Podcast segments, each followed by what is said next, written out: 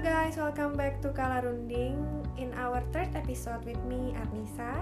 And I'm Fatia Zara Zabidi. And I'm Ricky Benefit Naji. Yuhu. Nah, in our special episode today, kita itu sebenarnya udah pernah ngejanjiin loh tentang uh, topik hari ini. Kita bakal bahas conflict combination on family business. Waktu itu sempat disinggung di episode pertama gitu ya terus aku bilang nanti deh kita bikin episode khusus gitu untuk konflik. Nah akhirnya hari ini kita hadirkan episode ini untuk kita bahas lebih lanjut lagi lebih dalam lagi. Wow ini adalah waktu yang tepat untuk kita membahas tentang konflik khusus konflik di family business. Nah benar banget. Nah kita kan udah tahu ya kalau bisnis keluarga itu terdiri dari unsurnya ada tiga ownership family sama tentu aja bisnis kan. Nah ternyata keterkaitannya itu dapat mengakibatkan kombinasi konflik yang kemudian kita udah pernah dipelajarin juga di bahan belajar yang dikasih itu dibedakan menjadi lima tipe atau five circle model gitu. Nah kan the five circle model kan berarti ada lima. Lima itu ada family, propriety, business, management, and succession. The five circle model ini digunakan untuk menganalisis konflik yang ada dalam bisnis keluarga. Nah, sekarang aku mau jelasin nih penyebab utama adanya konflik di bisnis keluarga. Nah, yang pertama itu konflik yang berhubungan dan keluarga. Dengan keluarga berarti langsung berhubungan sama anggota keluarga kan? Nah, adanya persaingan keterampilan. Nah, itu tuh salah satu masalah utama yang secara langsung mempengaruhi bisnis keluarga sehingga dapat tuh menimbulkan munculnya konflik. Nah, oh jadinya kayak jatuhnya keren-kerenan gitu kali ya, kayak yang dia lebih keren. Oh, berarti uh, aku harus punya keterampilan yang lebih gitu daripada dia. Tapi uh, itu sesuatu yang bagus gak sih? Jadi maksudnya itu kan adalah uh, untuk mencapai terpacu. yang lebih tinggi ya untuk memacu menjadi lebih baik gitu. Itu sesuatu yang baik gak sih menurut kalian? Yeah. kenapa menjadi masalah? Tapi in other way kan kalau keluarga juga gitu gak sih? Kadang mungkin manusia ada yang jadinya negatif gitu loh. Padahal ini hal suatu untuk terpacu tapi jadinya kayak kok dia lebih ini sih. Padahal ya Jatuhnya itu dengki ya bun? Mm -mm, harusnya kan ya kita bawanya buat motivasi aja gitu kan. Tapi mungkin kalau udah yang tidak bisa dikendalikan muncullah konflik ini. Oh. gitu. Iya. Mungkin karena perbedaan pemahaman juga sih bisa. Benar. Hmm.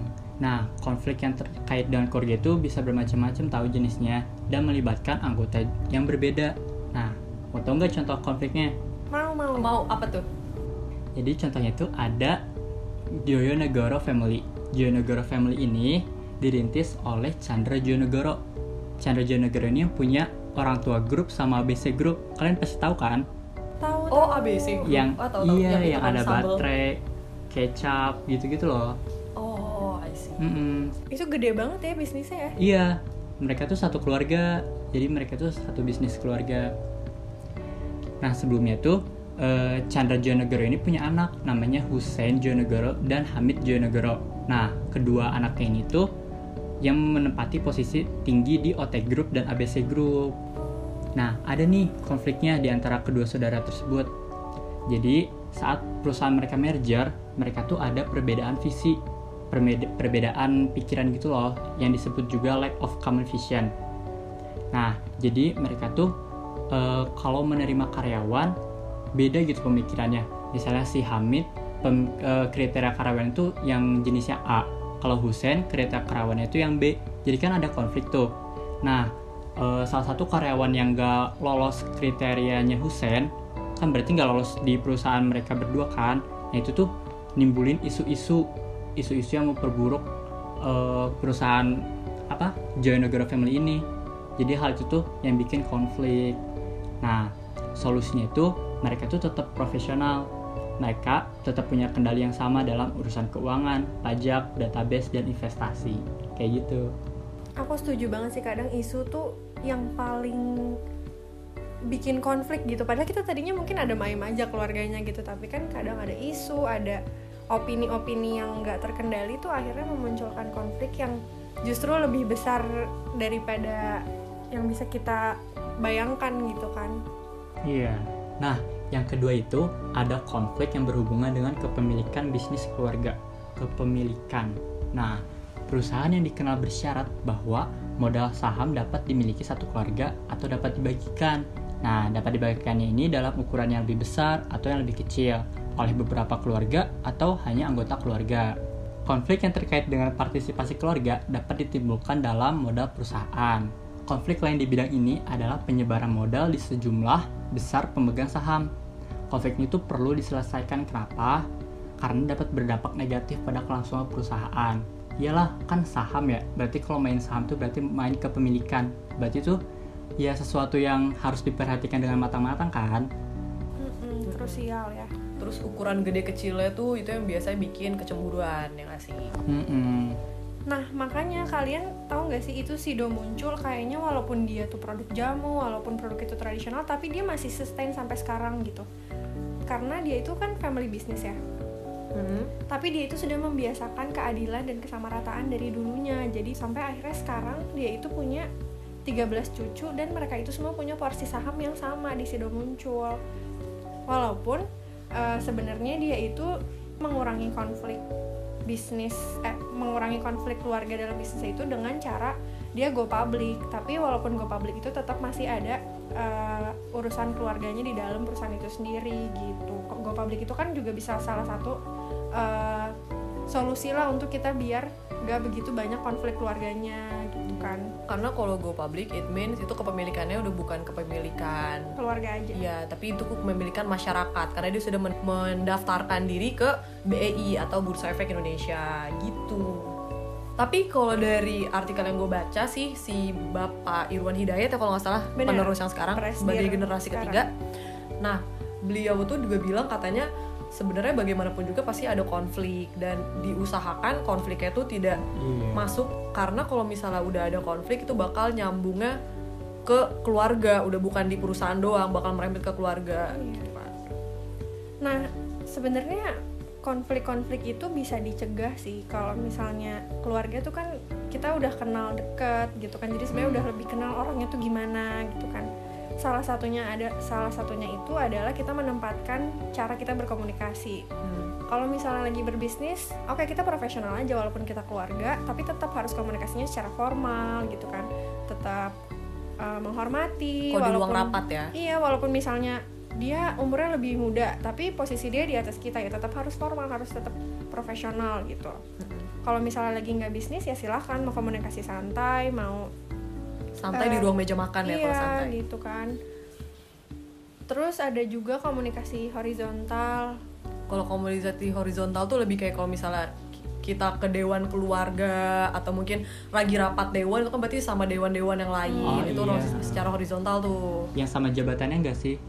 iya yang sama jabatannya benar Jadi sebenarnya komunikasi ini tuh kita lebih ke menempatkan diri sesuai situasi aja nggak sih? iya benar Iya, setuju, setuju. selain itu juga uh, kita juga harus jelas gitu job desk kita bagian kita tuh di bisnis itu sebagai apa tanggung jawabnya apa untuk mengurangi konflik-konflik di mana kita akan miskom gitu. Misalnya kayak kok ini kerjaan aku nggak dikerjain sama dia atau kok dia ngambil kerjaan aku? Gitu. Jadi lebih jelas gitu batasan-batasan dan struktur-struktur dalam organisasi tersebut gitu. Walaupun keluarga tapi tetaplah kita harus profesionalkan yang kita bahas di episode 2 kemarin keren banget jadi kalau alih generasi itu kan pemindah kekuasaan ya kepemimpinan Iya. dari generasi Hmm. satu ke generasi lainnya sedangkan generasi satu sama Ya, generasi lainnya tuh mungkin mereka mempunyai kepentingan dan tujuan yang beda terus modalnya juga yang dibagi-bagi ada yang dibagi ada yang banyak dibagi ada yang sedikit digabungkan terus banyak hal-hal terkait itu yang membuat perusahaan akhirnya menghilang. Jadi susah untuk mempertahankan perusahaan kalau misalnya dari generasi ke generasi. Makanya kan di sebelumnya kita ngomong cuman beberapa persen yang mampu bertahan di generasi ketiga ya nggak sih? Iya, benar. Cuma beberapa doang. Oh berarti karena terlalu banyak konflik antar generasi alih gener saat alih generasi itu berarti si pemimpin yang ada di generasi itu penting ya untuk dia menyiapkan apa namanya mempertimbangkan siapa penggantinya nanti di generasi selanjutnya untuk mengurangi konflik-konflik yang akan mungkin muncul gitu kan? Iya benar. Seperti yang di podcast kita sebelumnya. Tadi kan itu konflik yang paling rawan ya. Ada nggak sih contohnya? ada ini sih kayak kan tadi si Arni ngomongin tentang Sido yang adalah produknya jamu gitu kan gue juga ada contoh produk jamu yang udah berdiri dari tahun 1919 tapi akhirnya dia pilot yaitu Nyonya Menir pasti kalian tahu kan Dulu Oh, aku pakai iya, minyak benar. telonnya tuh. jadi si Nyonya Menir itu dia dari tahun 1990-an uh, I don't know exactly berapa tahunnya cuman oh ini dari 1984 sampai tahun 2000 tuh mereka tuh selalu ada sengketa perebutan kekuasaan nyampe ke meja hijau. Ya ampun. Wadaw, segitunya ya? iya padahal seperti yang kita tahu juga Nyonya Menir tuh kan dia salah satu yang terbesar di Indonesia terus pasarnya juga udah nyampe internasional sampai ke tiga benua Asia Eropa Amerika terus ke 12 negara. Udah internasional juga gagalnya cuma gara-gara masalah suksesi ini. Sampai akhirnya dari operasional perusahaan yang dipegang oleh kelima cucu Nyonya Menir ini akhirnya diambil alih oleh uh, ada yang namanya Charles Ong Sairang. Dia itu salah satu dari kelima itu. Jadi mengakhiri perebutan kekuasaan akhirnya si Charles Ong Sairang ini membeli warisan cucu-cucu yang lainnya. Udahlah biar udah beres. Waduh. Nah, setelah tadi yang kita udah bahas ya, konflik itu ada yang berhubungan sama kepemilikan, sama keluarga itu sendiri, bahkan sampai suksesi tadi. Sebenarnya solusi-solusinya itu juga ada. Kita di sini udah diskusikan juga. Ada beberapa hal yang untuk menyelesaikan konflik tersebut gitu. Nah, kita tuh bisa membedakan elemen pribadi dan elemen objektif. di satu sisi ada cara lain juga yaitu mediasi sama arbitrase. Nah, perbedaan dari mediasi sama arbitrase tuh hampir sama, cuman kita harus bisa ngebedain nih guys. Kalau mediasi itu dia di ditengahi orang ketiganya disebut juga dengan mediator. Nah, kalau si mediator nih bertugas sebagai penengah doang. Dia memfasilitasi proses negosiasi, tapi dia sebatas memberi masukan. Kalau Oh. si arbitrase pihak ketiganya disebut arbiter. Hmm. Nah, si arbiter ini bisa memberikan keputusan dalam permasalahannya. Jadi bedanya di situ. Oh, Jadi kalau mediasi itu ada orang, tapi dia perannya nggak begitu besar gitu Nggak, ya. dia cuma menengahi. penengah Menengahi. aja biar Hmm. nggak jadi ribut gitu di di sesi itu. Tapi kalau arbitrase itu dia bisa ikut andil juga dalam dalam memberikan keputusan. negosiasi itu benar-benar. Terus ada lagi namanya ahli independen atau dia ada expert yang kita sewa untuk menyelesaikan masalah ini. Dan yang terakhir kalau udah jalannya udah nggak bisa banget secara damai, secara uh, kekeluargaan, Hmm. kita bawa ke pengadilan. Waduh, ya kayak tadi ya. Mm-mm, Nyonya Menir tuh dia sampai ke pengadilan, guys. Karena secara kekeluargaan udah nggak bisa, ya udah deh, Ya udah. gitu.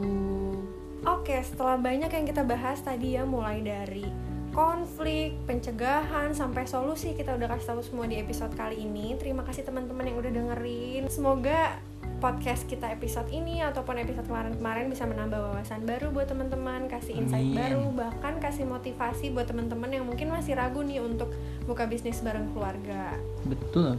Ya benar sekali. Terima kasih teman-teman. Terima kasih. Stay healthy. Stay safety. Sampai bertemu lagi minggu depan di podcast Kala Runding. Kala itu kita berunding.